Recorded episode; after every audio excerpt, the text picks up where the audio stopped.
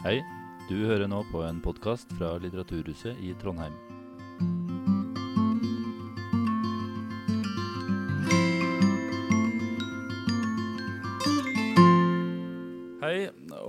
Hjertelig velkommen til Trondheim eh, litteraturfest. eh, Et samarbeid mellom Trondheim folkebibliotek og Litteraturhuset i Trondheim. Eh, Mitt navn er Trond Aam, jeg er daglig leder for Litteraturhuset. Og har den glede å ønske hjertelig velkommen til dagens samtale. Først litt praktisk informasjon. Det er fint at dere overholder koronarestriksjonene. Én meter avstand eller kohort og god håndhygiene. Eh, Det er toaletter inni gangen forbi rommet der, følge den svarte streken. Og nødutgang eh, der hvor dere antageligvis kom inn, hovedinngangen fra Kongens gate der. Um, Gulrez Sharif har eh, debutert med boka 'Hør hæra', som har fått eh, behørig eh, oppmerksomhet eh, allerede. Og vi er veldig glad for at han eh, kommer hit i dag til samtale med Irmelin Kjelås, som eh, til daglig er førsteamanuensis i norsk didaktikk ved Institutt for lærerutdanning, NTNU. Og hun vil vel eh, introdusere forfatteren utover det, så jeg skal ikke si så veldig mye annet.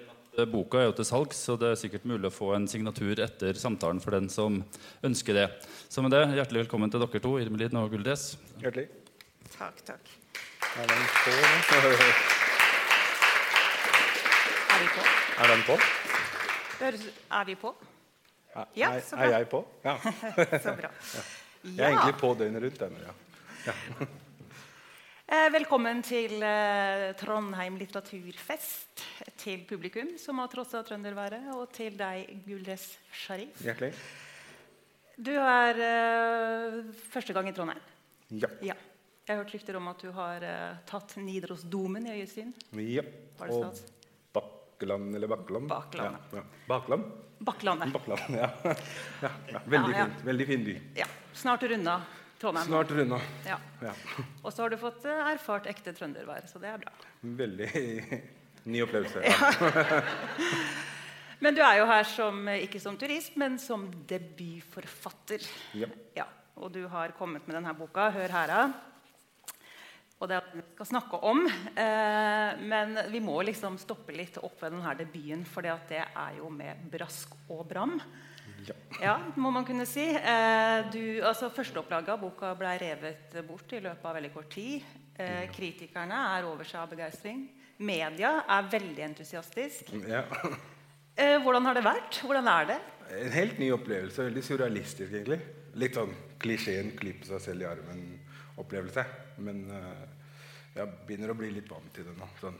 Altså, eller ikke altså, ja, Jeg er en voksen kar, så det er sånn Det er en del av den naturlige, liksom. Jeg har skrevet en bok, den ble litt populær. Nå bare kjører jeg løpet ut. Ja. ja. Så du koser deg Mare?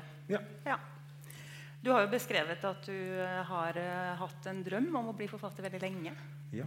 Eh, men så tenker jeg drømmen om å bli forfatter, da ser man kanskje for seg det å skrive og formidle seg og, og, og liksom få komme ut med det man har på hjertet. Kanskje ikke nødvendigvis å stå her i samtaler med foran et litteraturfestpublikum. Mm. Er det, det, det er jo noe nytt. Ja, det er kanskje noe nytt. Ja. Eh, Jeg hadde egentlig bare veldig lyst til å skrive. Jeg er en veldig energisk person, så det å sitte foran tastaturet passer meg litt sånn for å få ut masse energi. Eh, hadde jo egentlig skrevet ferdig en barnebok før denne her. Eh, men så la jeg den til sida og så begynte jeg å eksperimentere med Mahmoud på 15 år, som er hovedpersonen i denne boka. Og da funka det fint med stemmen hans. Eh, ja, egentlig hatt en drøm om å bli forfatter siden jeg var 14. Og så har jeg ikke gjort så mye med det, fordi jeg ville jo gjennom det trygge løpet med trygg jobb. Jeg er lærer, kommunalt fast ansatt. Det er jo ingenting er tryggere enn det. Eh, og eh, så etter at barna mine ble litt mer selvdrevne, så begynte jeg å skrive. da. Ja. Og så hadde jeg en avtale med, avtale med kona om at hun skulle legge barna. så jeg fikk skrevet boka. Så det også var veldig fint. da. Ja, Som jeg har forstått at du har skrevet på mobiltelefonen? Ja, jeg skrev den på mobiltelefonen. Ja. Eh, på en Samsung S8. Ja, da vet vi det. Så det, ja.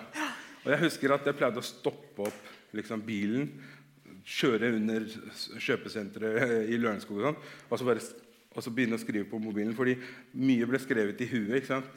Eller så snakka jeg til lydopptakeren på mobilen, og så stopper jeg opp bilen. og så skrev jeg. Slet ut øya så mye at jeg har fått meg lesebriller. Ja. Så kan det gå. Ja. Men det var det verdt, kanskje. Det var verdt det. Det var kult. Ja. Du fikk realisert drømmen. Ja. Vi skal bevege oss inn i boka. Eh, og jeg tenkte at eh, Eller jeg veit jo også at ikke nødvendigvis alle i publikum har fått lest ennå. Eh, jeg vil tro at eh, de gjør det etter å ha vært her i dag. Det Det er det veldig mange gode grunner til.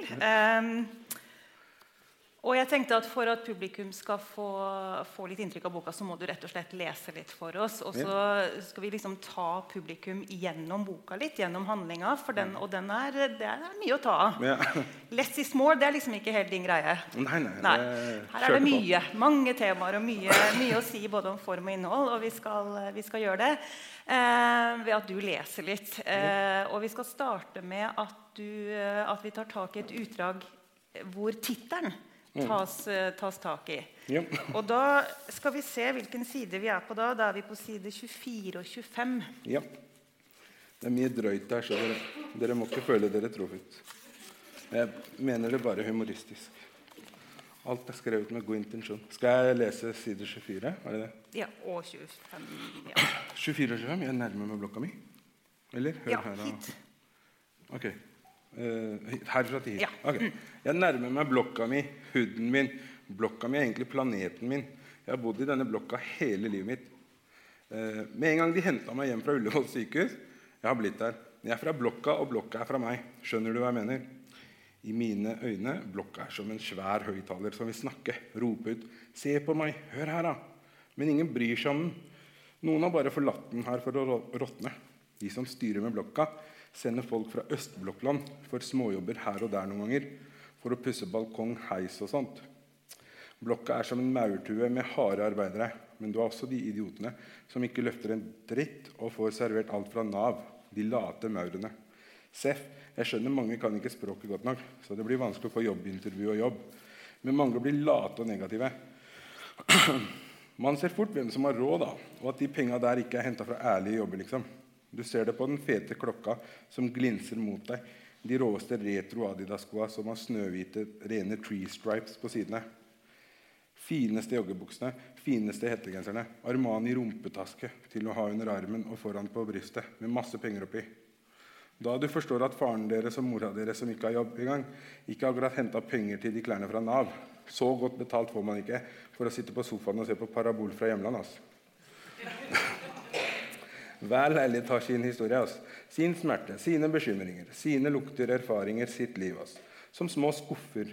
Hvis du drar ut skuffen, du vil se mye rart. Nordmenn hadde blitt nervøse. I de fem første etasjene det bor folk som har lav inntekt, pluss foreldra til dopdealerne. Og så har du de som lurer staten.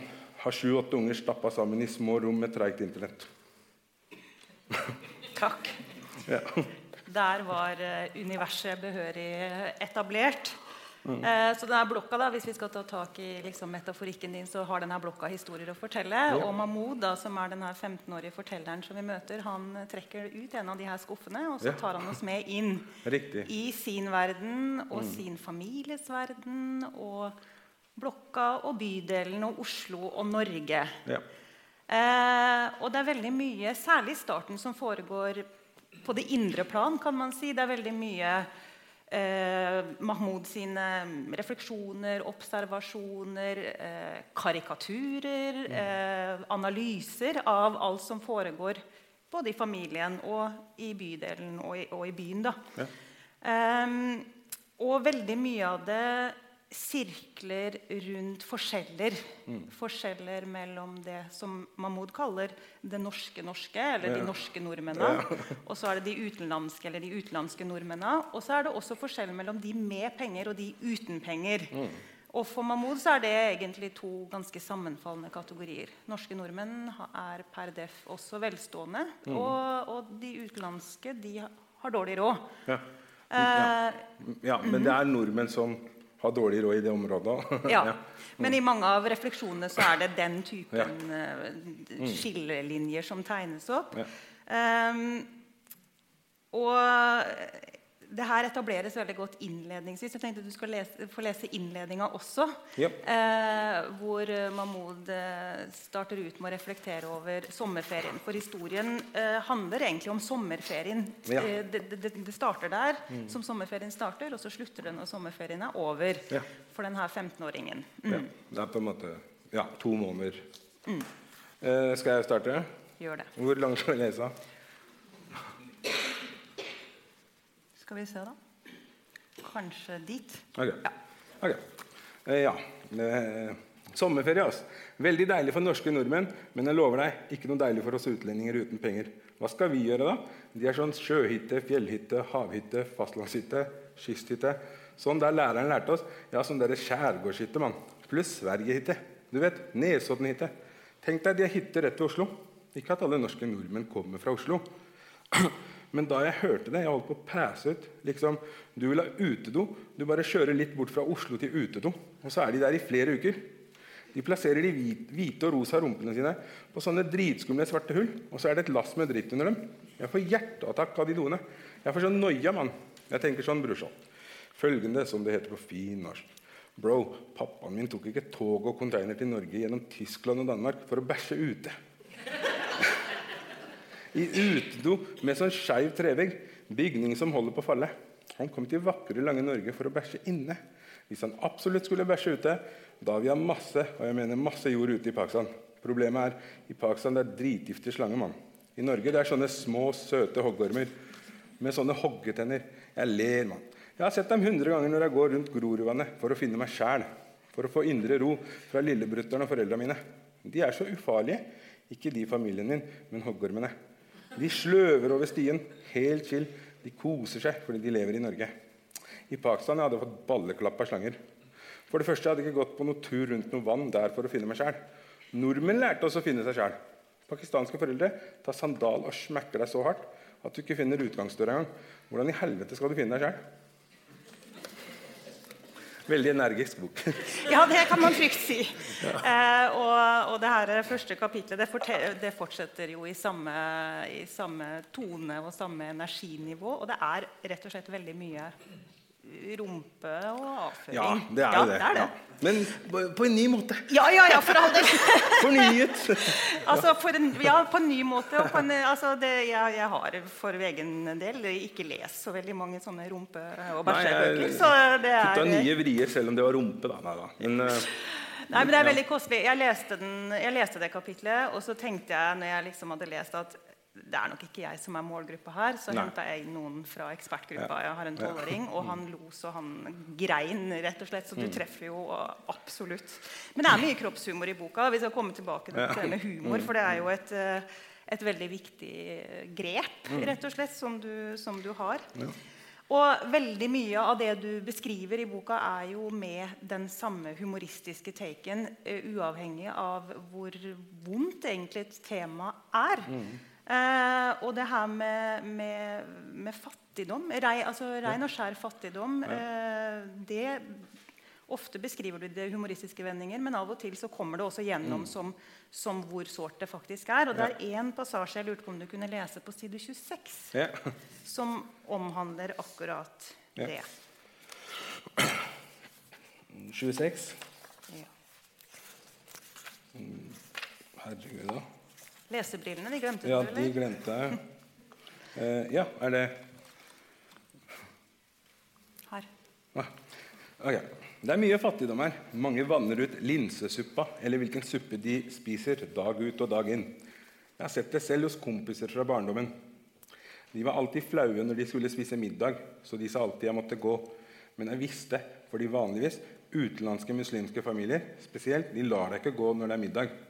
Fordi gjester er Guds gave, mann. Men jeg pleide å gå rolig til min egen leilighet, for jeg visste jeg forsto. Eh, Noen dager pappaen min tjener kanskje ikke mer enn 250 kroner på drosja. bror. Da har vi også spist utvanna linsesuppe flere dager på rad. Man blir vant til det. Da ligger det ikke mye kjøtt i fryseren fra Sverige. ass.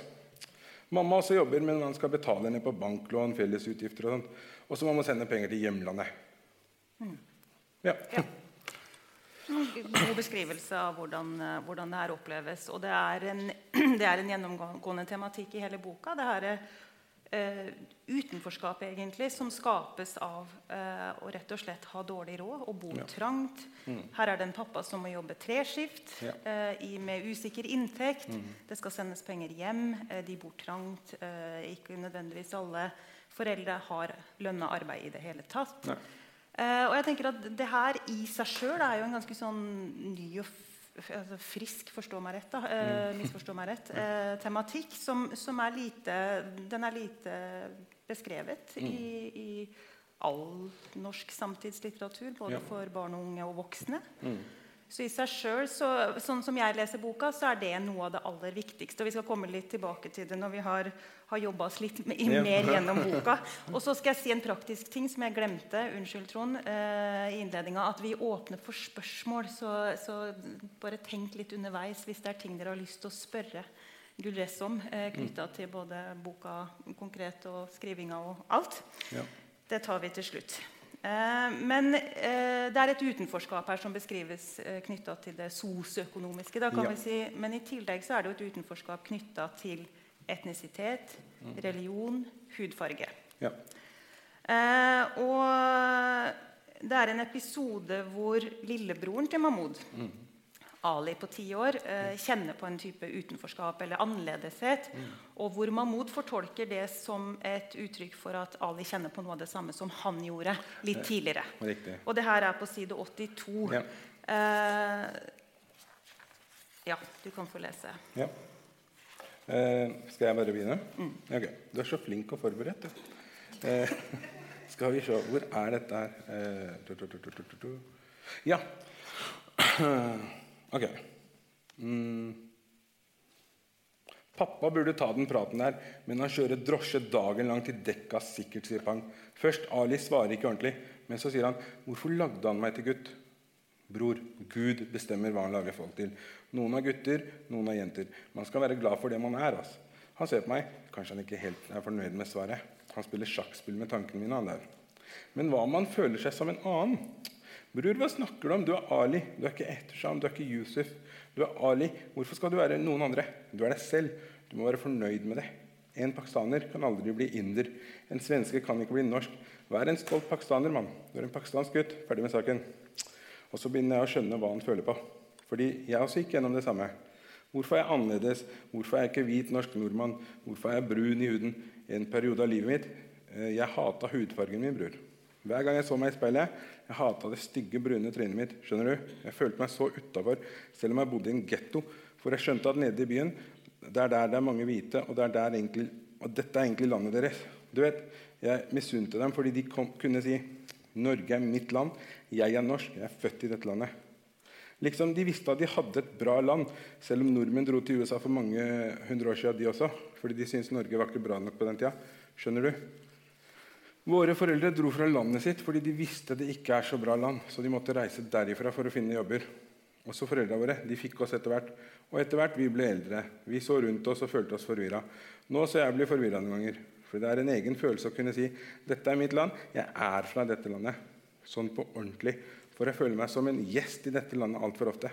For det er som om, det er som om oss hver dag i media. Og mye av det er hat og ikke noe hyggelig å lese. Da jeg blir sånn usikker. Når man ikke ser ut som de fleste i landet man bor i, man føler seg som en yes, bro. Jeg lover deg. Du føler livet ditt er på lån, liksom. Derfor, når vi har 14. august, Pakistans nasjonaldag, jeg lover deg, vi feirer som faen, bro. Vi pynter med grønne flagg, har på grønne og hvite klær. Fordi den dagen noe kjennes inni hjertet som er ditt. Akkurat den dagen. Ingen kan ta det fra deg. Du er som en nordmann på 17. mai, selv om du feirer Pakistans, nasjonal, Pakistans nasjonaldag i Norge. liksom. Derfor du må være stolt av det du er. Man må ikke prøve å bli noe annet. Det er det jeg må lære, prøve å lære lillebroderen. Altså. Når jeg tenker Ali også går gjennom samme dritten med sånn jævla plagsom identitetskrise som gir hodepine og vondt i magen, og som man får sånn syreoppkast noen ganger når man er skikkelig forvirra. Han har begynt å se seg selv i speilet, bror. Han ser han er sånn minoritetsunge med far som kjører drosje hele tida. Han har vært i Oslo sammen med meg og onkel. Han har bare sett hvite, nesten. Han har sikkert tenkt hvem er de? Hvorfor er det så mange av dem? Han tenkte sikkert bydelen vår er verdenen vår. Vår verden har jo alltid vært her. Han har ikke tatt så masse T-bane heller. Han tullingen trodde dette var Norge, blokkområdet eh, vårt. Jeg må vise han bildet av Siv Jensen og folka fra Frp. Fortelle han sannheten. Nå han skal finne sin plass, han må få hjelp til å finne den. Derfor jeg må guide han, bror. Ikke bare i Oslo, men også i livet. Min, min jobb er å motivere han. Sånn, du er brun og bra, bare oppfør deg i livet, så går alt spa. ja. Bra, bra, budskap. Og det er jo en, altså det er jo en, det er en sår tematikk.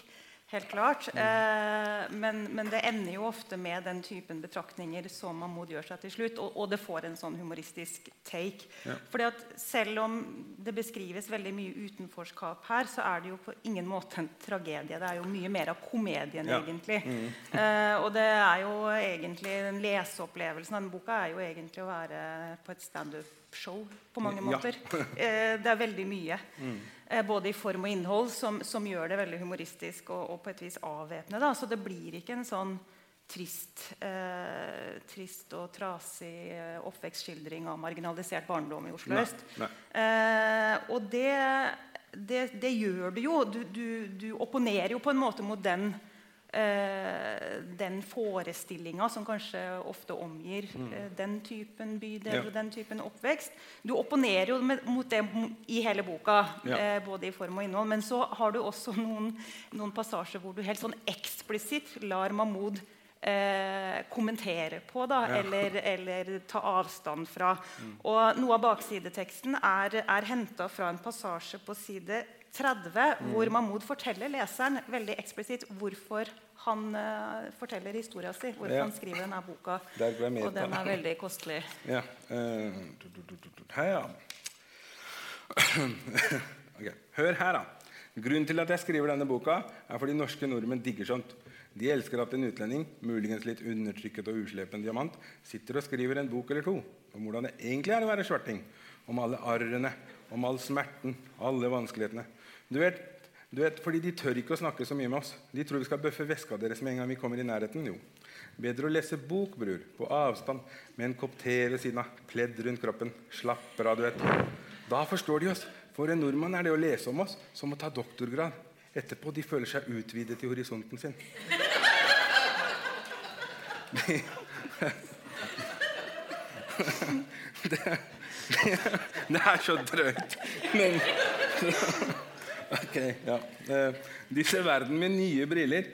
Og man må si briller med skarre-r, for det høres mer professor ut. De går kanskje til sånn vinmonopol og kjøper tæteste Le Petit Chateau Blateux økologiske vin. Eller hva faen. Spretter opp korken, inviterer venner og venninner, snakker sammen om bok. Og så de bruker sånne vanskelige ord. Hva er hovedpersonens patos? Bla, bla, bla. Ja, det er en fantastisk passasje, rett og slett. Og den treffer jo noen og enhver. Ja, det er mange ja. som har blitt truffet av det. Ja. og så står det jo her, da. Ja. Eh, I den typen kontekst og den typen samtale. Så det er jo eh, fornøyelig. Eh, I tillegg til at vi som lesere da, så får innblikk i Mahmouds rike verden av tanker og tankesprang og assosiasjoner og refleksjoner og gode analyser og skarpe blikk og karikaturtegninger, for så vidt mentale, mm. Mm. så skjer det jo også noe på det ytre plan. Ja. Onkel kommer på besøk fra Pakistan, ja. og så får Mahmoud i oppdrag å vise han rundt i Oslo. Mm.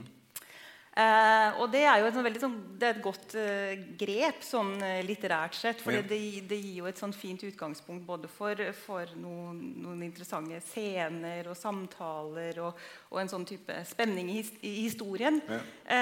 men da får vi også ja, så da får vi enda flere av de her gode analysene da, og betraktningene rundt, rundt livet i, i, både Blokka og bydelen og Oslo. Ja. og onkel han lar seg jo både fascinere og imponere imponere og sjokkere. Eh, mm. og det er mye kropp for onkel i Oslo. Ja. Eh, det, er, er, sommer, og det er lettkleddhet og toppløshet. Mm. og i det hele tatt. Um, og jeg må si når jeg leste, leste boka sammen med den tolvåringen som jeg tok med meg inn da, i ja. boka, så sier han eh, i forbindelse med at det her må bli film. Mm. For det er veldig visuelt ja. eh, fortalt. Det er veldig lett å, å se for seg. Ja. Eh, det, så det, det, det, fungerer veldig godt. Eh, men denne guidinga rundt i Oslo da, med onkel eh, den gjør noe med Mahmoud. Eh, han får noe å fylle dagene sine med. Og så vokser han liksom med denne oppgaven. Han, ja. han føler seg liksom voksen og ansvarlig når han får, de her, får denne oppgaven. Og så er det et ganske sånn fint Oslo-portrett. Så jeg Ja. tenker det er, sånn, det er en sånn fin Oslo-bok, det her også. Ja. Eh, og jeg tenkte at du skulle få lese, lese side 69 Mhm. eh, før vi går over til å snakke litt mer om, om noen eh, spesifikke temaer. Ja. ja. Det er jo kjærlighetserklæring til Oslo, da. Det er det jo. Ja, han sier det veldig tydelig at han, er, han, han oppfatter seg sjøl som oslosk. Ja. Ja. Sånn som meg. det er morsomt å vise onkel Oslo. Jeg får brukt meg sjæl, bro. Jeg får vært litt kreativ, forstår du. For noen ganger jeg må lese meg opp om de forskjellige stedene som jeg tar han med til på internett. Jeg synes det er deilig å vise han byen, for det er ikke så kult å henge hjemme uten å ha en dritt å gjøre hver dag. Husk, alle mine somre har gått sånn.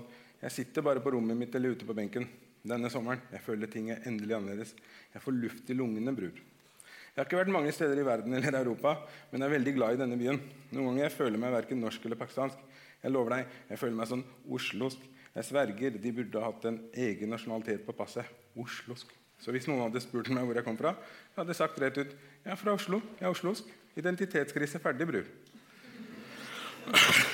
Det som er greia med Oslo, er at denne byen er delt inn i skikkelig vestkant og østkant. Det er så store forskjeller. Du aner ikke, ass, kompis. Det er to helt annerledes planeter. Bro, pappa kjøpte glass, glassbord av en gammel dame en gang. Hun bodde på Frogner. Hun hadde leilighet på 226 kvadratmeter og hadde to stuer. Jeg gjorde så store øyne når vi var hjemme hos henne. Jeg ble overraska som bare det. Men eh, hun var hyggelig. da. Snakka sånn gammeldags norsk og serverte oss økologisk hylleblomstsaft. altså, hun ga oss sånne hjemmestrikka grytekluter. Hun ville snakke lenge med oss, men pappa skulle levere tilbake varebilen til vennen sin. Så vi måtte takke for oss, selv om jeg hadde likt å chille der lenger. Jeg husker hun dama sto lenge i vinduet og så etter oss. Jeg ble litt trist inni meg da. Det er mange ensomme gamlinger i Norge. altså. I vår kultur. De blir i hvert fall tatt vare på, da. Ja. Takk. ja, vær så god. Um, i, I forbindelse med at denne onkelen er på besøk, så, så er de på flere turer i moskeen. Eh, og det syns jeg også er en sånn, eh, si, no, noe friskt med denne boka. At den tar inn religion eh, og gir religionen plass uten at det er noe hovedpoeng i og for seg, eller at det gjøres noe veldig nummer ut av det. Men Ja. det er en, en helt selvsagt del av denne familien sitt hverdagsliv. Eh, og så syns jeg at eh, på side 55 så gir du en veldig sånn fin eh, beskrivelse av hva da Eller Mahmoud da Ja. gjør seg noen refleksjoner om hva religion egentlig skal være. Og, og jeg, jeg, akkurat det, det partiet syns jeg er eh, Det er en av mine favorittpassasjer i boka. Så er, jeg, for jeg, jeg syns at, eh, at religion har veldig lite plass i samtidslitteraturen. Eh, og i den grad det tematiseres i i litteratur skrevet av forfattere med eller, ja, forfattere med minoritetsbakgrunn eller muslimsk bakgrunn. for den saks skyld. Eller der det er en tematikk, så er det jo ofte et negativt bilde som tegnes av religionen. Ja. Eh, og særlig da islam. Eh, mens her får vi en litt annen variant. Eh, og i hvert fall det Mahmoud ønsker seg at religionen skal være, og tenker den bør være. Ja. På side 55. Ja. Skal vi se Eh, Da må du vise meg. Det er så lenge siden jeg har skrevet denne boka ferdig. Ja, der, er Ok, her vi går. Inn i moskérommet, vasker oss, begynner å be. Jeg ser bort på lillebror. Først jeg tror han snufser litt mens han ber til Gud, men jeg ser at han er litt mer avslappet enn i stad. Trenger ikke å lage så mye kaos for seg selv. da. Han er jo bare liten mann. Dessuten, jeg tenker sånn, ass, Religion må ikke være tortur. Religion må være som spa. Du skal slappe av stressene, få bedt i fred, dine bønner skal bli hørt, og du skal ikke gå rundt og ha noia for livet, men bare chille og tenke Gud er der for deg. Han vet best. Han hjelper deg, støtter deg. Skjønner du? Om du har gjort noe dumt som er innafor, Gud ser og tilgir. Er det ikke det som er viktigst i alle de største religionene i verden? Tilgivelse. Hva for noe dumt skal en tiåring gjøre, da? Og vi står ikke langt unna Nidarosdomen. Så. Men det å tenke religion som spa, eller, og islam da, i dette tilfellet som spa, det, Ja. er, en, eh, det er en, et fint bilde, synes jeg. Ehm, egentlig så er det jo sånn at denne handlinga med onkel og, og Mahmoud og det som foregår i, i det nære livet, det er jo kanskje det, det er nok kraft der. Det er masse der å, å ta tak i, og, og det kunne vært det, det kunne godt fylt ei bok, for å si det sånn. Ja. Men i tillegg så har du Du legger på en twist, som du sjøl kaller det. Ja. Ja. Ja, det er noen som skjønner tvisten ganske tidlig. Men det er jo dette med lillebroren mm. som føler på en annerledeshet og forskjellighet. Og det er at han øh, føler på en eh, annen eh, Altså føler at han har en annen kjønnsidentitet. Da. Han føler seg rett og slett som jente i guttekropp. Ja. Så det tok jeg med ja, Litt sånn fordi at jeg er pedagog, og vi pedagoger vi er jo veldig flinke til å nå skal jeg bruke tre fine ord anerkjenne, hegne om og eh, hva skal jeg si, støtte rett og slett annerledes og forskjellighet. Vi er jo alltid der for kidsa. ikke sant? Og da tenkte jeg sånn hvis det, det kommer sikkert til å skje nede i Oslo at noen familier kommer til å få sånne utfordringer, og hva, hvordan skal man imøtekomme det? Så det var egentlig bare sånn rent sånn pedagogisk. da. For det er jo en veldig pedagogisk boka. Eh, Men også fordi jeg har veldig stor respekt for de som går gjennom en sånn indre kamp. ikke sant? Eh, Mange av oss andre slipper jo den kampen, men fascinasjonen min og den dype respekten for at de liksom står der mot storsamfunnet, nærmiljøet, familien Det er egentlig de som er de ekte tøffingene. rett og slett. Ja. Så jeg tenkte jeg putter det i boka for å vise det. da. Ja. Ja. Mm. Og det, er, det blir jo en viktig tematikk. Det blir en mm. viktig del av, av historien. Eh, så det er jo interessant å høre hvordan du har tenkt rundt at du, du ville skrive inn det. Mm. Eh, og sånn som du beskriver det nå, så er det jo en tematikk som er, den er utfordrende uansett om du kommer fra det pakistanske Mm. Ja. Mm. eller det norsk-norske, som du omtaler det som. Eh, men så er det klart at i boka her så tilfører jo det pakistanske og det muslimske tilfører noen, Mm. noen kompliserende dimensjoner til den Ja. eh, til den her eh, dilemmaene og forvirringa og, og utfordringene som Ali da, og familien står i. Mm. Eh, kan du si litt om det? Altså, du valgte jo å putte det inn i en Ja. helt spesifikk Det er jo faren som på en måte er veldig redd for hva folk skal si.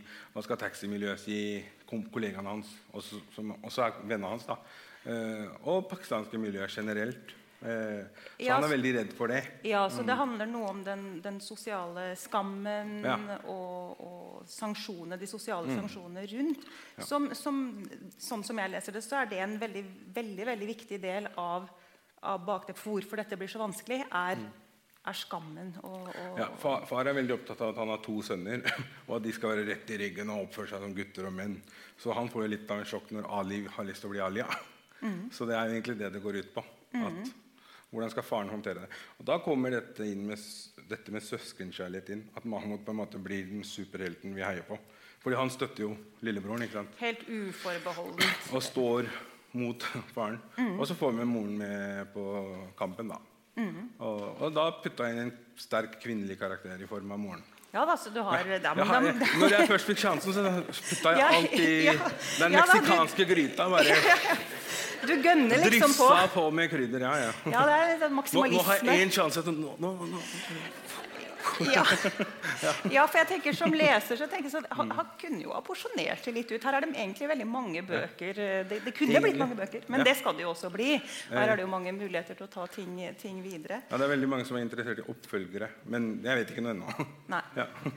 Men, eh, men eh, det med den kjønnsidentiteten eh, Kan du si litt mer om det? Altså for, for her settes det jo også inn i en, en sterk sånn religiøs kontekst. Mm. Uh, Mer kulturelt, vil Ja, jeg si. Okay. Ja. Fordi vi har mange I Asia generelt så har vi dritsvær befolkning, som alle vet. Eh, 207 millioner i Pakistan, 1,1 milliard i India.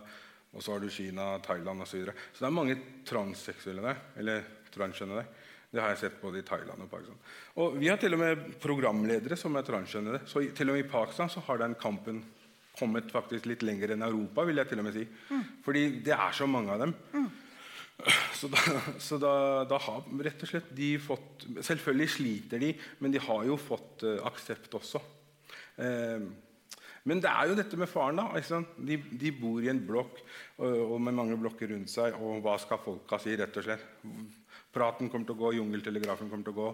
Hvordan skal vi overleve dette på Oslos uh, Oslos beste østkant? ja. Det er det problemet på en måte tar for seg. da. Ja. Og sånn som jeg leser det, så, sånn som det beskrives her, så, så oppleves den, den biten der sterkere kanskje i dette miljøet enn det kanskje ville vært i et, Ja. etnisk Ja, og han harselerer jo litt med det. Ja. Det er jo fordi du på en måte Det er kanskje litt med at du ikke har kommet deg så langt framover i livet. Eller at du på en måte, I hvert fall faren da, han fikk jo to sønner. ikke sant? Og han hadde jo forhåpninger knytta til disse sønnene, hva de skal gjøre for han, og bla, bla, bla. bla, bla. Ja, og det ligger noen forventninger om å være Ja. veldig mandig. Ja, hele tida altså, rett i ryggen sånn... og hilse ordentlig når noen pakistanske menn hilser på deg osv. Så, videre, og så, videre, videre. så han får jo skikkelig Han får skjørt seg skikkelig når han finner ut at Ali har en annen kjønnsidentitet. Ja. Så det er på en måte at, altså Jeg ville skildre det, da, rett og slett. Eh, ta for meg utfordringen og skildre det litterært. Ja. Tenker du at det er viktig for eh, barn og unge som står i den, de utfordringene, at de kan lese boka di og dermed er kjenne som- seg igjen? Ja, Det er mange norsk, norske transseksuelle som faktisk har skrevet til meg på Facebook og sagt at de er inspirert av boka og takker meg for at jeg skrev den. Og homofile og lesber. Så det, nå Nylig i Klassekampen så var det en journalist som eh, Anmelderen er jo skeiv selv, så hun satte jo veldig stor pris på at jeg har skrevet skeiv litteratur. ja. Så det, det, veldig, veldig, veldig snilt, veldig hyggelig faktisk at de tar kontakt. Og selvfølgelig, man blir bare ydmyk og takknemlig av det. herregud. Eh, Når de tar kontakt og virkelig blir inspirert av på en måte det de har fått til. da. Mm. Og det høres ut som du hadde en sånn type intensjon når du Ja. sier at det var veldig Ja. pedagogisk. Jeg, er jo, ja, jeg er jo pedagog. Ja. Og igjen, vi, vi tar vare på forskjeller og annerledeshet i den norske skolen. Vi er jo der og legger en hånd på skulderen til elever som sliter, og prøver å se alle osv. Så, videre, og så, videre. så det er egentlig det som er intensjonen med denne boka òg. Ja. Men så, det her er jo en, en tematisk tråd. Og så er det, jo, det er jo mange ting her som vi allerede har vært inne på. Og, og sånn som jeg leser det, så er det med klasse og sosioøkonomi kanskje den, den sterkeste tematikken. Ehm, og kan du si litt om, om bakgrunnen for det? Ja, han, har jo veldig, han, har, han er veldig ambisiøs. Han har veldig lyst til å bli lærer. Eh, Moren vasker på Blindern, Universitetet i Oslo. Og hun drømmer om at sønnen skal studere på Blindern en dag. Så han gjør jo alt for at mamma skal måte, få ønsket sitt oppfylt. Og, da, og han har lyst til å bli lærer og pedagog og ta høyere utdannelse. For nettopp å gjøre denne mammaen glad, som har jobba hardt hele livet, og fatter'n òg. Men i stedet for Ali-yrkene, eh, advokat, lege og ingeniør, så har han heller lyst til å bli lærer. Da, som også er litt sånn lavstatus ellers i samfunnet, men også i det pakistanske miljøet. Det er, det er ikke akkurat et yrke som gir penger. Så, men han greier ut om det, hvorfor han har lyst til å bli lærer. Hjelpe ungdommer og barn som sliter osv. Mm. Ja, og det virker jo som det er en veldig sånn klar motivasjon hos han også. Han er veldig sånn Ja. kunnskapshungrig, og han er eh, glad i å formidle og reflektere og analysere. i det hele tatt. Ehm, men, eh, men eh, en ting er den her eh, klassereisa som han ser for seg og ønsker seg og drømmer om å komme, komme Høyere utdannelse kan få deg ut av rett og slett fattigdom. fattigdom. Ja. Men vi snakka litt om det innledningsvis, at det her er jo en tematikk som vi ikke møter så ofte i samtidslitteraturen. Ja. fattigdom. Mm. og kanskje spesielt barnefattigdom. Ja. Eh, og det er mange beskrivelser av det. at eh, for, for disse barna er det aldri bursdagsfeiring på Leos lekeland. Og det er aldri å kjøpe sjokolade på bensinstasjonen. Og det er lite reising. Og det er den utvanna linsesuppa i verste, verste konsekvens, holdt jeg på å si, eller i verste fall. Ja. Ehm, og jeg tenker at det er, en kjempeviktig, kjempeviktig tematikk. Eh, og en litt underkommunisert En ting er i litteratur, men også litt generelt en litt underkommunisert tematikk. Ja. Eh, og jeg veit ikke hva du tenker, men jeg tenker at vi ofte ender opp med å kulturforklare eh, utfordringer eh, i minoritetsmiljøer. Vi knytter det til kulturbakgrunn og etnisitet, der det kanskje i større grad handler om økonomi. Bor man trangt, må foreldrene jobbe tre skift. Ja. Eh, er lite, da er det lite overskudd Riktig. til å følge opp og til å Ja. og så, Men i etnisk norske familier, når det, er, når det er den typen krøll, så forklarer vi det ut fra Ja. det sosioøkonomiske. Men er det en somalisk familie en pakistansk familie, så forklarer vi det med at de Ja. er pakistanske og somaliske. er litt min oppfatning Ja. av det. Og sånn sett så tenker jeg at dette er et bidrag til å, til å liksom utvide og nyansere. da. Ja. Eh, jeg vet ikke om du har gjort deg noen tanker Ja, nei, min eh, om intensjon, dette? Jeg, jeg, jeg har jobba lenge i barnevernet, jobba som lærer nå i mange år. Og vi snakker jo alltid om at det er først og fremst barnet vi skal se. Så det er jo egentlig en menneskelig, menneskeliggjøring av barnet her. da, Eller ungdommen. Det er jo egentlig det som var intensjonen. At nå skal vi ned på barnets eller ungdommens nivå og se på hva han eller hun sliter med. Hva er det han vil formidle til oss? Det er egentlig det det handler om. Uh, og ja, jeg er jo enig i at uh, når det er utenlandske barn, så tror man ofte det er kulturelt, eller foreldre har lagd for mange kids. og sånn. Altså, ja. Men selv om jeg har kødda om det i boka. Også hvis det er en, en norsk unge som sliter, så er det sikkert noe ADHD eller noen diagnose der.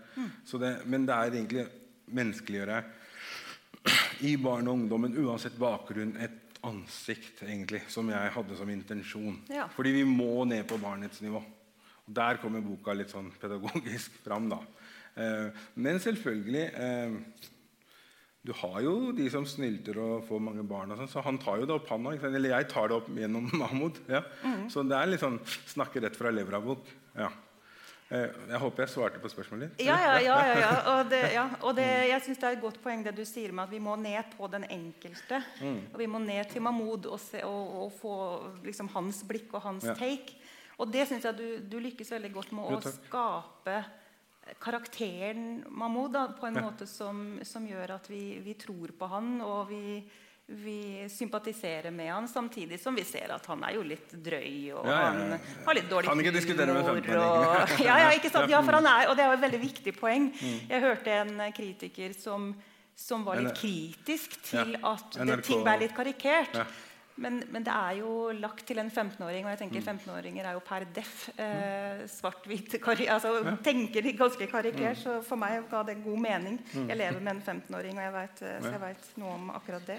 Eh, det er eh, samtidig som jeg syns det, det klasseperspektivet da, og det sosioøkonomiske står veldig sentralt, og at du gir et veldig sånn godt bidrag der, syns jeg. Eh, så er det jo det her med etnisitet og hudfarge som, som kommer igjen og igjen på veldig mange ulike måter. Og Siv Jensen får jo virkelig gjennomgå her. Hun er jo hatobjekt eh, nummer én. Eh, og jeg undra meg ganske lenge over hvorfor ikke Sylvi Listhaug var mer med, men hun kommer med på tampen, hun også. Og veldig tidlig i boka så sier, sier Mahmoud litt i en sånn bisetning at eh, men det er jo ikke meg denne nasjonen trenger, det er etnisk norske nordmenn dette landet trenger. Og så tenker jeg Med den tematikken der så treffer du jo så til de grader den tids... Du treffer tidsånden. Vi er, det er mye som skjer nå. Det er mange, som, mange stemmer.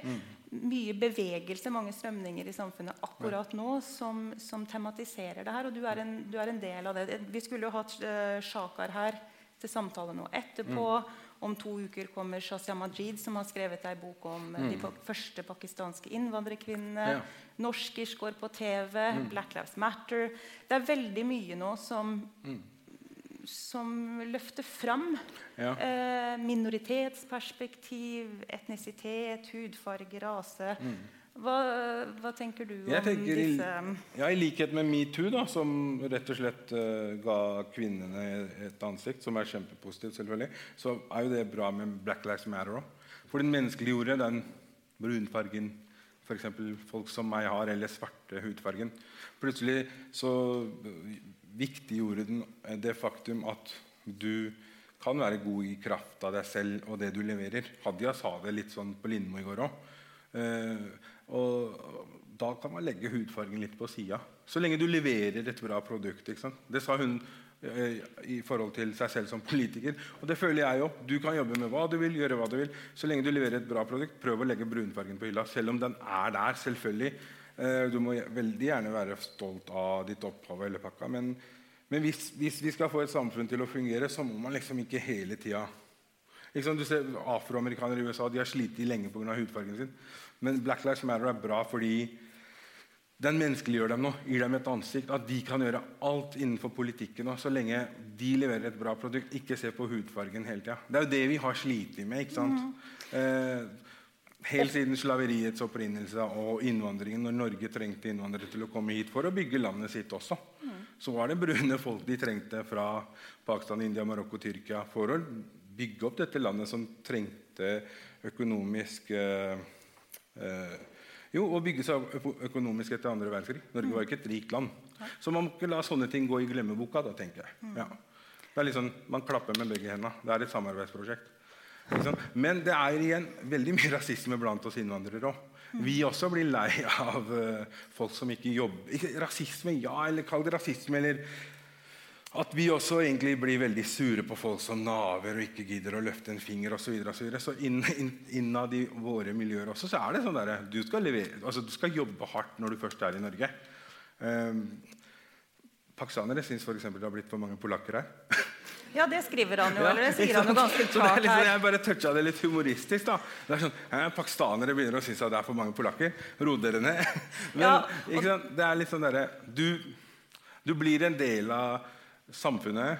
Eh, du blir en del av landet, og så vil du gjøre det beste ut av det. Så Derfor kommer du automatisk til å se litt ned på folk som ikke klarer det like bra som deg. Mm. Internt mm. i minoritetsmiljøer. da. Ja da, og Det er jo en ganske naiv forestilling ja. å tro at det, at det, skulle være Luther harmoni. Og, altså, mm. Det er jo selvfølgelig motsetninger liksom der som det er i alle andre grupperinger ja. mm. av folk. Men, eh, men, eh, det du sier, mm. Eh, er jo én ting. Mahmoud han opplever jo verden litt annerledes. Mm. Han opplever kanskje ikke på samme måte at han har de samme mulighetene i det norske? Sånn, ja, han, han er jo litt redd for det, selvfølgelig. Eh, men Veldig han er opptatt av navn og jobbintervjuer ja, ja, ja. og ikke ha for muslimsk navn. Og i hvert fall mm. ikke heter jihad. Det er en veldig kostelig scene der, eh, der eh, et barn mm. heter jihad og, som blir borte man på et kjøpesenter. Man, man, er jo redd for det når man er minoritet. Det har man alltid vært. selvfølgelig. Mm. Så det er det jeg tar opp der. da, Om at du kanskje han skal hete noe annet. eller. Men, det, men, ut fra det du sier, så, er, så, oppfatter du det ikke egentlig som en reell utfordring? Eller? Jo da, det er en reell utfordring for mange. Mm. Eh, selv om det ikke har vært det kanskje for meg så mye som for Mahmoud. Mm. Eh, men, eh, men, selvfølgelig utfordringer finnes. Men jeg vet ikke, pga. Black Lives Matter så har folk kanskje blitt litt flinkere. jeg vet ikke. Altså, vi må se litt på det. da. Black Lives Matter-bevegelsen er ganske ny. Mm. Men den i hvert fall vekker folk. Og det er bra. At vi kan bruke Facebook og Instagram til noe mm. sånt, det er jo helt sykt. Det er jo skikkelig egentlig science fiction. Det er ikke noe fysisk. Det er egentlig noe som har skjedd via sosiale medier. Mm. Men Det fysiske har jo skjedd i USA, men at vi kan liksom fange alle. da. Ja. ja Det er jo den store store bevegelsen, også, og, og, ting henger selvfølgelig sammen. Men, mm. men, det som også skjer nå med at vi får så mange minoritetsstemmer opp ja. i, i, media, film, eh, mm. serier. Og det, altså, mange er det jo kanskje ikke, Nei. egentlig. Ja. Men det blir så markert for oss på en måte fordi det er nytt. Og det er jo jammen mm. meg på høy tid. Det er jo, ja, er det, jo det var kanskje spørsmålet ditt, egentlig. Eh, selv om jeg seila helt ut. Men ja, jeg syns det er kult med norsk i hele pakka. Det er alltid kult med nye stemmer. Jeg tror det er fascinerende for eh, norske nordmenn å lese og se noe nytt også. Liksom, du kan ikke drive og lese altså, Som redaktøren min sa, Gullrest, det hadde vært litt kjedelig hvis du hadde skrevet om Preben som fanger makrell. liksom. Ja. Det er sånn to, to, timers eh, passasje i boka om det. Det hadde ikke vært så kult. og jeg er ikke så flink til det heller. Men liksom, noe nytt. Det må mm. være noe nytt hele tida. Mm. Men igjen, som en annen, eller forlagssjefen min som er fra Bodø, sa hun sa det er jo kult å lese om bodøværinger òg. De er jo også minoritet. Så alle sånne der De er folk, også eksotiske. Mm. Ja, er, liksom, Alle sånne folk fra små kriker og kroker av det langstrakte landet i Norge de, Hvis de kommer fram med stemmene sine, så er det jo kult uansett. Ja. Så lenge det er gjort på en frisk og spennende måte. Sånn som jeg har klart. Ja, sånn som du har klart. Det er det ingen tvil om. ja. Men eh, ja, i forlengelse av det her temaet, så, så få, altså, en, altså, På et eller annet vis så, så får forfattere da med minoritetsbakgrunn blir fort plassert i en sånn minoritetsforfatterbås, mm. ja. som jeg veit mange opponerer mot. Mm. Eh, hva, hva, tenker du Jeg har ikke noe problem med det. Jeg syns det er kult. Eh, det er noe nytt. Det er noe friskt. Eh, ja. Jeg kan sikkert skrive om Jeg kommer sikkert til å dra inn etniske nordmenn i mine framtidige bøker. Og da bare gjør man det på noe sånn litterær måte, og det må være spennende, det òg. Ikke bare skrive om Linda bare for å skrive om Linda. Men jeg har ikke noe problem med å være minoritetsforfatter. Liksom. Ja. Nei, og jeg vet jo fra, ja, fint, så vet jeg fra ungdommen din at du, du har jo vil bli forfatter lenge. Mm. sånn som vi om innledningsvis, Og så leste du Jo Nesbø mm. som ungdom, og så ble du veldig glad i det fordi Harry Hole, eh, hovedpersonen til, ja. til Jo Nesbø i de krimbøkene hans, har en pakistansk nabo. Ja, Det var kult fordi det inkluderte meg indirekte. Dette var 97-98. Så jeg syns det var veldig kult at jeg som 14-15-åring indirekte blir inkludert ved at Harry Hole, som er så rå karakter, eh, har en kul tone med denne pakistanske naboen. Så det syns jeg var kult. De kødder og liksom har litt sånn guttastemning, og det digga jeg, da. Og så digger jeg Jo Nesbø. så Sånn uavhengig av det. ja. Mm. Men det var kult å bare bli inkludert indirekte. Det, Ja, det, det betydde mye, rett og slett. Ja, og det, det med representasjon, altså man er representert, man blir inkludert, som du sier, eh, er viktig. Det er jo det. Eh, I og for seg, Ja. eh, jf. det du beskriver beskriver der. da. Eh, og er det en sånn drivkraft for deg også å skrive fram historier, karakterer, Ja. eh, skjebner, erfaringer som bidrar til en type representasjon? Ja, etter hvert, jeg håper jo å skrive mer, så har jo jeg lyst til å dra inn flere etnisiteter og selvfølgelig etniske nordmenn. Og det er jo kult. Eh, Men det, igjen, det må gjøres på en frisk måte. Det er viktig, ja, du ser det på Disney og Marvel nå. De har jo putta inn kinesere og lesber og afrikanere og indere og hele pakka. Det er sånn hele cocktailen. De tar litt av noen ganger, men de har begynt med det i hvert fall. da. For å på en måte gi et ansikt til at det ikke bare er én etnisitet som er superhelter. Nå får jo Marvel til og med pakistansk superhelt og pakistansk superheltinne. Så det er jo kult. De har lært noe. Ikke av denne boka, da, men uh, Nei, altså, det- men det der er liksom- dette også en del av Ja, den samme ja, bevegelsen. Inkludere alle. Ja. Veldig Det er bra. kult. Det er veldig kult. Vi skal snart åpne for publikum. Jeg ser klokka går. Eh, men altså, den her utrolige begeistringa som denne boka di har vakt, eh, både blant uh, unge og gamle, eh, rett og slett. Hva, hva er det du har truffet? Hva er det du har gjort som uh... Ja, litt flaut å si, men det er ikke så mange 15-åringer som har kontakta meg. Det er Bente på 65 og Frøydis på 75. Av en eller annen rar grunn. Jævla rart.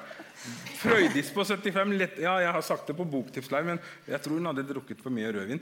Men, men hun, kalte, hun skrev til meg på Facebook 'Digger deg, bror'. Og det var jo kult, da! Og så, og så sa hun 'Nå legger jeg meg, unge mann, for nå tror jeg rødvin begynner å virke litt'. Ok, ok. Men hun hadde tatt han på ordet da med den Chateau ja, Petit ja, ja, ja. Ja. Mm. Hun, hun likte boka i hvert fall. Så, men jeg håper jo at 15-åringen også begynner å lese boka snart. Fordi det er egentlig den, den, den er ment for. Men det er kult at den har på en måte favna så bredt. da. Alle leser den og liker den. Ja, og det er jo, det er jo, det er jo veldig gøy, da, først og fremst, og veldig bra. Eh, Unni Lindell likte den. Ja, det er Og Ingvar Ambjørnsen, som er sjefen sjæl. Ja, ja, ja. Det er Veldig kult. gøy. Ja. Eh, jeg tror, vi skal, eh, tror vi skal la sette et punktum der for, for vår eh, Ja. samtale. Og så skal vi åpne opp for publikum. Jeg vil tro det er andre som sitter her og har lyst til å spørre om noe. Så kan vi ikke sende mikrofon, så jeg skal, hvis, ikke du, hvis ikke alle hører spørsmål, skal jeg bare gjenta det hvis noen har noe på hjertet.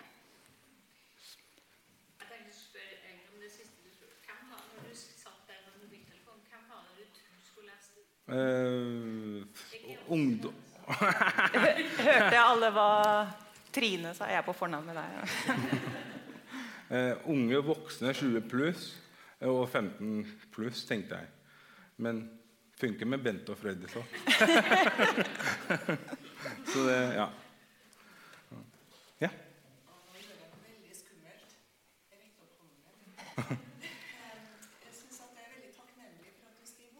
Tusen takk. Og jeg tror at det blir med og gjør at vi kan snakke litt med, med hverandre. Eh, Selv om vi ser annerledes ut, så er det mennesker av mye felles. Og så tenker jeg at det er 20 i Norge med en annen minoritet Eller hva heter det? Jeg vet ikke hvilke ord jeg skal bruke. Nei, Minoritetsetnisk bakgrunn, kanskje. Eller, mm. vet dere hvor mange det er i USA? 25 Så Ja. det betyr jo at vi tar jo godt etter, og da blir det jo mer mingling, da, tenker jeg. Mm. Og jeg savner virkelig Jeg blir veldig lei meg for at det ikke er personer med eh, minoritetsbakgrunn representert i beslutningsdyktige forum. Det tenker jeg er en, eh, noe vi må ta inn over oss og tenke hva slags land har vi, og hvor vil vi. Og så tenker jeg å si om du har en målgruppe på 15 år Du ser jo jeg er ikke 15 år. Jeg har jo ikke det. Eh, Men jeg tenker, og jeg har, eh, og da tenker jeg at eh, kanskje det kan bli en bok om oss som eh, heter det eh, Nådd middagshøyden. er det dette?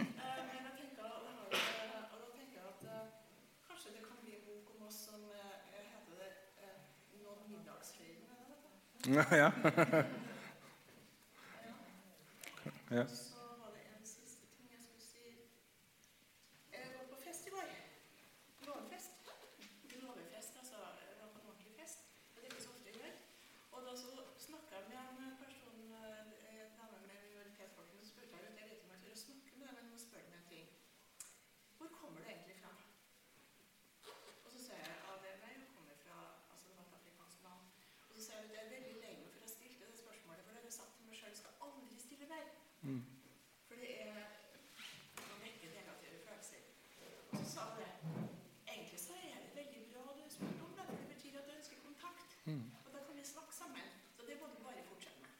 Absolutt.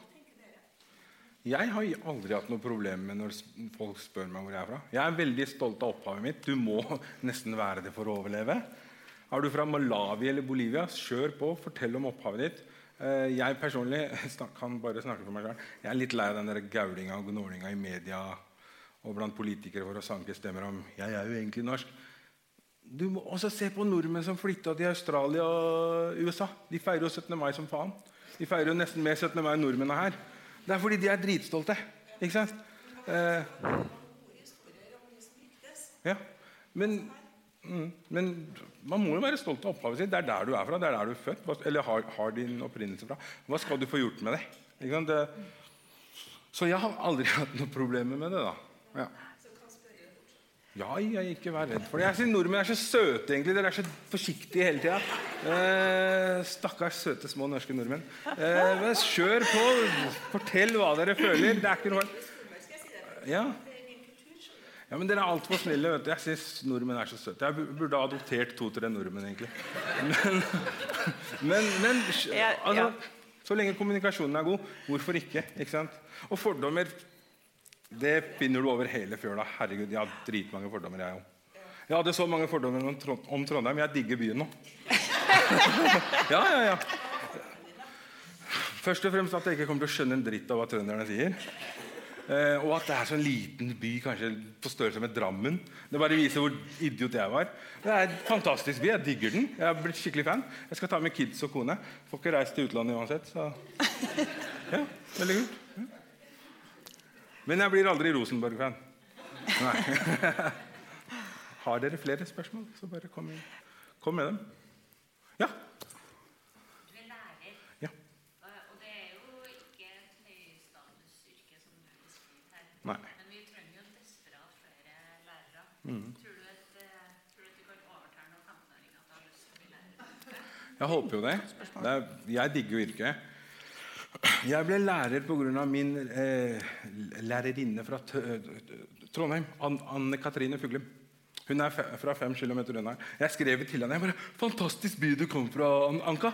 Vi kaller henne Anka. Så hun var veldig happy for at jeg likte Trondheim. Da. Men det var pga. henne jeg ble lærer, fordi hun, hun så oss i tredje gymnas på videregående. Hun, hun, på en måte var der og smilte og lo og hørte på våre forskjellige historier fra våre hjemland osv. Eller våre kulturelle bakgrunner. Så egentlig skulle jeg bli advokat, jeg òg. Ali. Advokat, legeingeniør. Men jeg ble lærer, og jeg trives da. Ja. Og vi må jo bare motivere disse kidsa til å bli det. Det er jo fantastisk eh, å være lærer. Jeg digger det. Ja. Mm. Absolutt. Ja?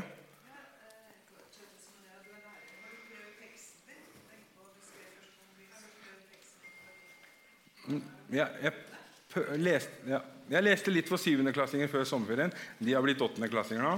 Eh, de jeg har nå, fjerdeklassingene, kan jeg ikke lese boka for. Den er for drøy. Eh, men de syvendeklassingene digga den. Og de følger jo meg på Instagram og Face, og de er jo skikkelig stolte av at læreren på en måte Oi, boka har gjort det så bra. Ja, de skriver til meg. og Ungdomsskolen er rett opp i bakken uh, fra barneskolen jeg jobber på. Så de kommer ofte ned, og, ned til meg og bare 'Gullrøst, vi så deg på VG og NRK. Uh, digger deg.' ja, så det er veldig mange tilbakemeldinger om boka, og de digger den da. Ja. Der var det et spørsmål. Vær så god.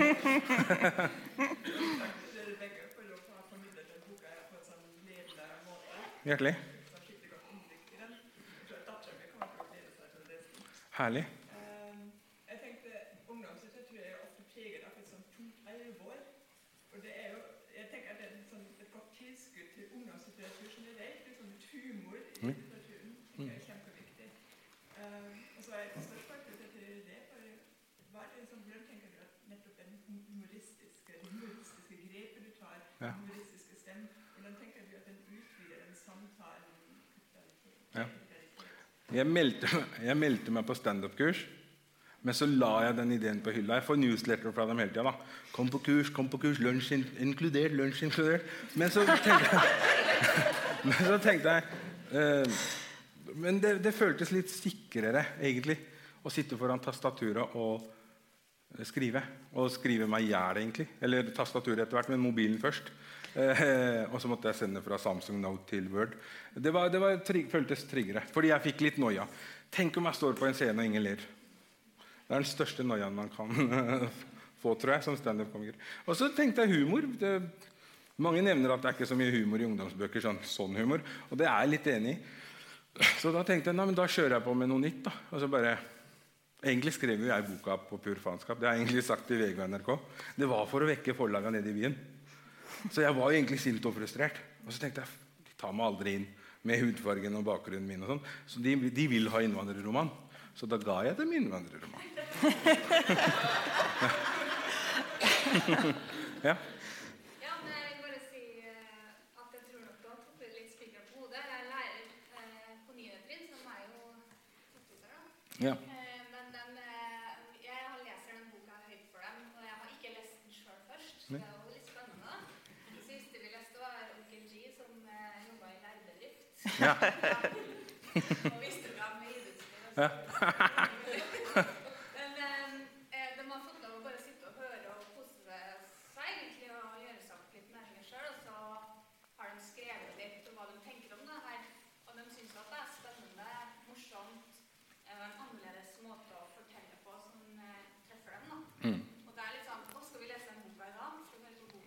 Kult. Herlig. Takk dem fra meg, da. Det er hyggelig at de vil at du skal lese den. Herlig. Takk. Nå har du forfatterens støtte. Jeg har bare lyst til å kommentere på det med, den, med humoren. for sånn som jeg leser Det så er det jo, eh, det er jo humor både altså i formen, men også han tematiserer det veldig eksplisitt sånn innholdsmessig. og så er det sånn manifest egentlig for humorens kraft, ja. syns jeg. For det er jo noe med, det er en del miserabelt her. Det er jo ganske trasig. Og så med da humor og ironi og den taken ja. på livet, så, så, snur han det jo eh, til noe ja, både morsomt og, og, ja, og, og han avvæpner jo alle, alle ja. situasjoner og alle mm. relasjoner med den humoren. Ja, det er litt laidback-humor, og det, intensjonen var å avvæpne.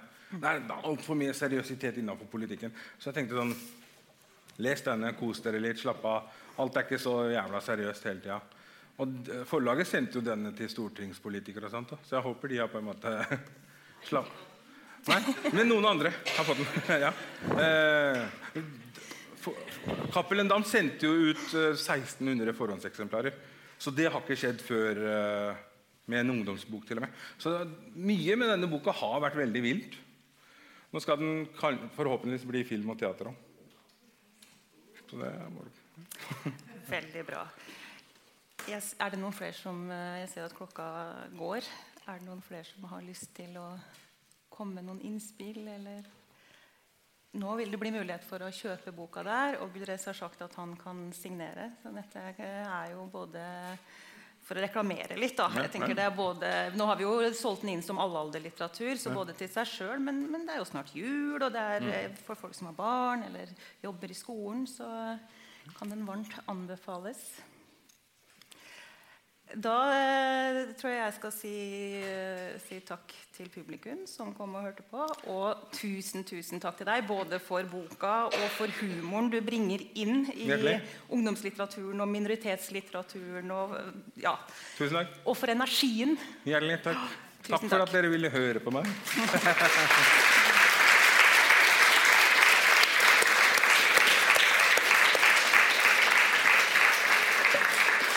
Hjertelig takk.